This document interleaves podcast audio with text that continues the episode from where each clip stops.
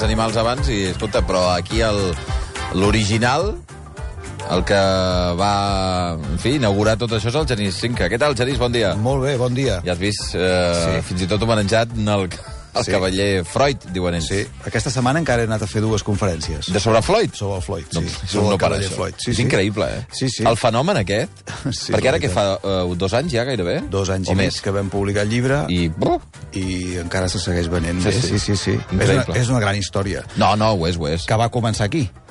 Correcte. O sigui, és un honorable català que de sobte t'esclata les mans i que el vas investigant i dius com és possible que no, que no coneguéssim fins ara la història d'aquest senyor que exacte. al darrere del Floyd hi havia amagat un mecenes de l'alçada d'un campanar. Mm. El personatge que farem avui hi està relacionat, de fet. Ah, sí? Sí, bé, tots ho estan, perquè és un, és un grandíssim eh, artista, Sí. en la major part el desconeixem, Ah, però t'anava a dir això. El, és- el coneixerem pel nom? el coneixerem... No ho sé, jo crec que no. potser, eh? El coneixerem per l'artista que el va adoptar, que es va convertir en el seu germà gran, l'artista que li hagués agradat ser l'altre artista. Uh Mhm. -huh. Joan Miró no hagués estat eh, Joan Miró si no hagués sigut per l'aportació de la ceràmica d'en Josep Llorenç Artigues.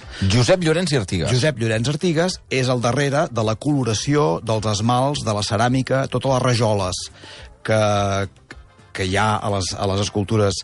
Miró. el, el pla de l'os que dèiem l'any Sí, passat, sí. el, el tema dels atemptats, just aquella furgoneta Sí. s'atura a sobre de l'escultura que hi ha al terra de les Rambles, Correcte. que és un dels motius de benvinguda que el Miró dona als, als estrangers que arriben a Barcelona. Correcte, per mare. Les rajoles es van fer al forn de la ceràmica del, ah. del Josep Llorenç Artigues. Que bo. Les rajoletes, el trencadís que hi ha al mural esplèndid de l'aeroport del Prat Correcte.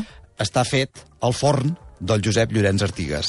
És molt bo aquestes històries, perquè al final La d'un enorme artista que tothom el coneix, Les- sempre hi ha l'entorn grans genis que, que queden desapercebuts, no? Uh, fins al punt que en, que en Joan Miró, uh, enamorat de, des dels anys 40 d'aquest artista de la ceràmica, Sí.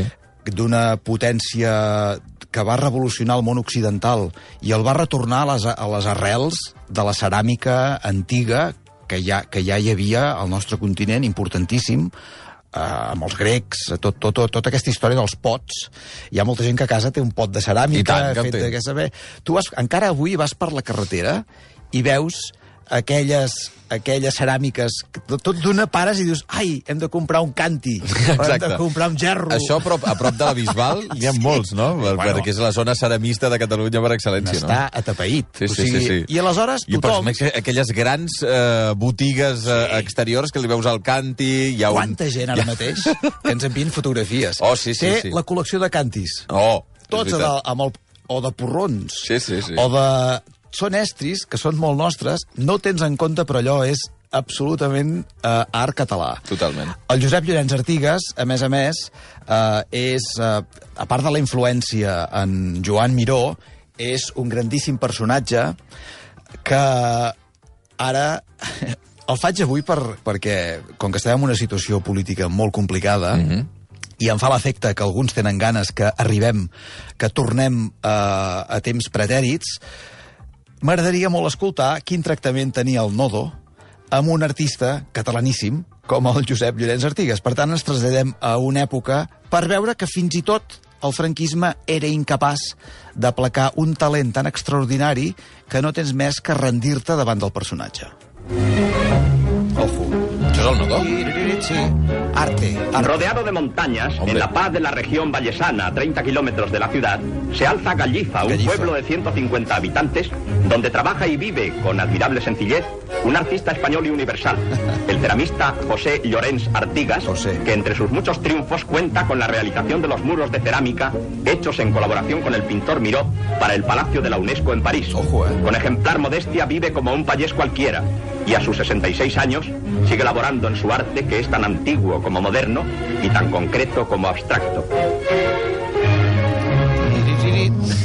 M'encanta. Bé, però és una bona síntesi del Primera personatge. dada, Gallifa, no? Com a Bé. centre neuràlgic de tot plegat. Tot i ser barceloní, i haver nascut a Barcelona, el 1892, personatge segle XIX, Sí, sí, sí, sí. eh, escull Gallifa, al Vallès Occidental, a la punta de, de la comarca, com a lloc a on, a dir, en, en una masia que es diu El Racó, eh, bé, crea tota una escola de ceràmica en la qual el Miró és on, de fet, va a parar eh, per, per anar confegint tot, aquesta, tot aquest món i univers de la ceràmica i de l'esmaltat. En aquest vídeo, de fet, es veu just en el moment en què el locutor diu i el famoso artista no sé què, es posa una José barretina. Llorenç, es posa una ah, barretina. Es posa una barretina. En jo la crec gravació. que és l'única i l'última vegada que el Nodo un català uns- es posa una barretina.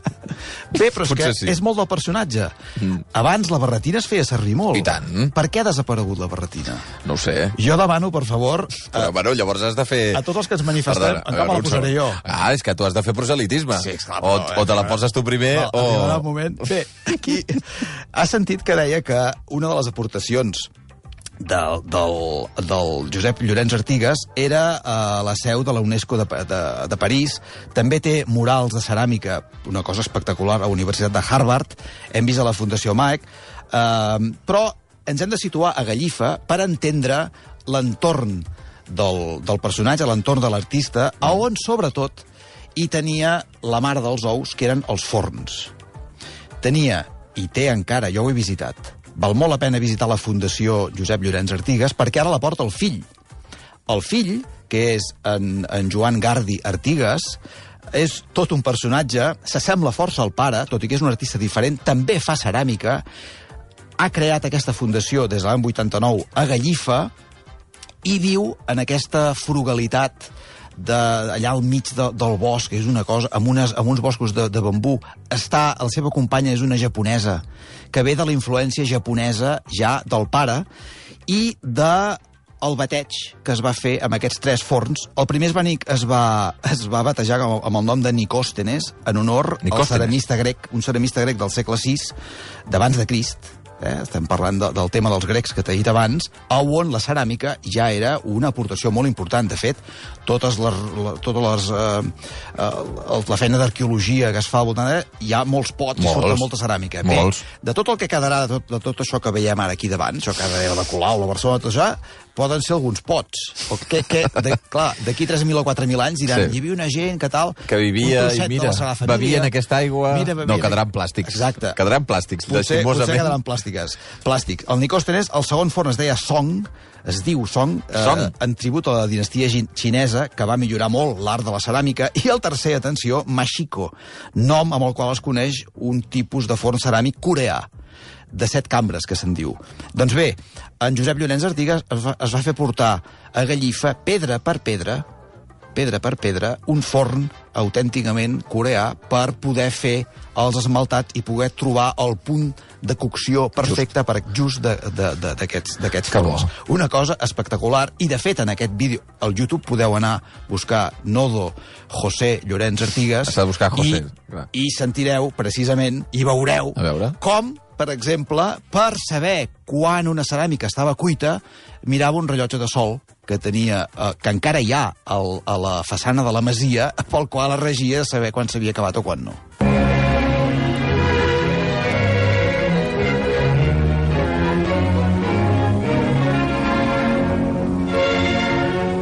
Las formas sencillas que salen de su alfar están trabajadas con amor tradicional y con soberbia inspiración, pero también es delicioso el colorido de densa riqueza y de múltiples aspectos y calidades.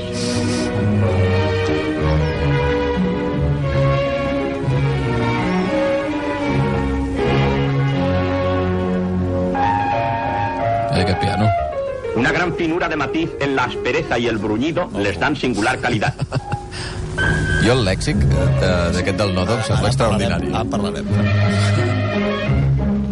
En la mufla cobran el esplendor del gran fuego. Artigas, que no abandona Gallifa nada más que para ir a la escuela Masana de Barcelona, donde es profesor de cerámica, crea así una obra llena de fuerza y de originalidad. és que, que aquests documents són... Jo em semblen molt extra... sempre m'han semblat extraordinaris la, el, el, el lèxic, sobretot, El, com, com s'utilitza. El brunyido. Sí, sí, O sigui, sí, bé, sí, tot, sí. és un lèxic molt ric. Hi ha aquesta ampulositat, Eh. que ja és molt franquista, això. Molt antic, molt. Hi ha, un, hi ha una tuitera, no sé qui és, que es diu la senyora franquista. Oh! Que, oh, és Boníssim. perquè fa servir aquest tipus de vocabulari que fa antic. Que Totalment. Fa, I escolta'm, no fa tant temps. No. Estem parlant dels anys 60. Mm. Anys 60, 70, m'atreviria, eh? Ja anem cap aquí. És molt a prop. sí. O sigui, tu no vas néixer, però jo sí. Ja, ja. Jo recordo una mica aquella època. És l'època prèvia als pantalons de campana. El pantaló de campana et, et situa en un altre. Bé, seguim. El- A l'any 54, i atenció perquè aquest, aquesta dada és, és molt significativa, en Miró, que estava enamorat d'en Josep Llorenç Artigas, Sí. en el seu taller de Gallifa, que és un lloc que jo recomano molt de visitar perquè aquí sí, aquí hi ha una mena de beca que es concedeix en aquesta fundació on artistes de tot el món es traslladen un temps a la fundació, en aquesta masia, al racó, per estudiar ceràmica Que bo. boníssim. Pots trobar una japonesa, pots trobar un americà, una fent els seus pots i les seves rajoles vinguts d'aquesta tradició que fa Llorenç Artigas. Per saber exactament quina és la feina i la transcendència del personatge, ens hem de fixar en un detall biogràfic sensacional, que és que el 1954 en Miró va crear, o al revés, en Josep Llorenç Artigas es va inventar una figura que al Miró li va, li va agradar moltíssim, que es diu la dona i l'ocell. Oh, que bo! I aleshores se li La va crea ell. Bé, la majoria de coses se li trencaven. I el Miró el que feia és recuperar les figures que menyspreava el seu mestre i les esmaltava o i afegia el mestratge que ell li havia ensenyat. En moltes d'aquests pots, d'aquestes ceràmiques, que, és una cosa molt estilitzada, molt senzilla, una mica de, japon, de japonisme hi és en aquest art català tan senzill, hi ha la signatura d'en Josep Artigas, Llorenç Artigas, 1941, per exemple, i llavors a sota diu Joan Miró, 1946. Ell ha agafat aquell pot que el, que el mestre, imagina't, això no val per res, o se va trencat, o se va escardat, i l'altre, veient que no es podia desestimar un trosset del seu mestre, ho reconstruïa i ho convertia en Joan Miró. Molt bonic, això. És fantàstic. La dona i l'ocell es va... Eh, és una escultura que va quedar bé, que està exposada, em sembla, em sembla que està a París. Ah, no ho recordo. Em sembla que està... No, potser està al magatzem de la Fundació Miró, que és una altra obra important aquí a Montjuïc. Medeix uns metres d'alçada, uns pocs metres d'alçada. És el primer assaig de la dona i ocell que hi ha ara mateix al Parc Joan Miró de Sí. Barcelona, allà a Sants, Sí, sí. que medeix 22 metres, Sí, aquella sí. bèstia a part de enorme. la dona i l'ocell. Tothom que passa pel costat et quedes admirant-ho. Sí. El que la va acabar, perquè el Llorenç Artigas va morir l'any 80, i això va passar un any o dos després, Barcelona va comprar aquesta obra. Bé, perdó, el Miró la va regalar, la va cedir perquè Barcelona tingués una, una estructura com la dona i l'ocell del Llorenç, del Llorenç Artigas i la va acabar precisament el Joan, eh, el, el, el, el fill del Llorenç Artigas, el, el Joan Garbi, aquest mm. d'art... Ai, és que ara aquest nom... Bé, el, El seu fill, sí. el, el seu fill, fent servir les mateixes tècniques del trencadís i dels forns que tenen a Gallifa el, el, del, del, del seu pare. Sí. Per tant, l'obra que va començar el pare, eh, cedida pel Miró, l'acaba el fill, que també és un personatge bestial. Eh, també hi ha una germana que es diu la, la Mariet Artigas, que és un personatge que també aporta el tema de la ceràmica. És una història molt interessant que val molt la pena de recuperar. Què Hi ha un oient, el Guillem, que diu recordo una visita a casa del mestre Artigas, Sí. precisament a Gallifa, era amic del millor amic del meu avi, és a dir, estem parlant de dos, Sí. dos, dos graus de separació, per entendre'ns, eh? Recordo que vaig quedar impressionat per l'arquitectura de la casa, la decoració del taller i els forns.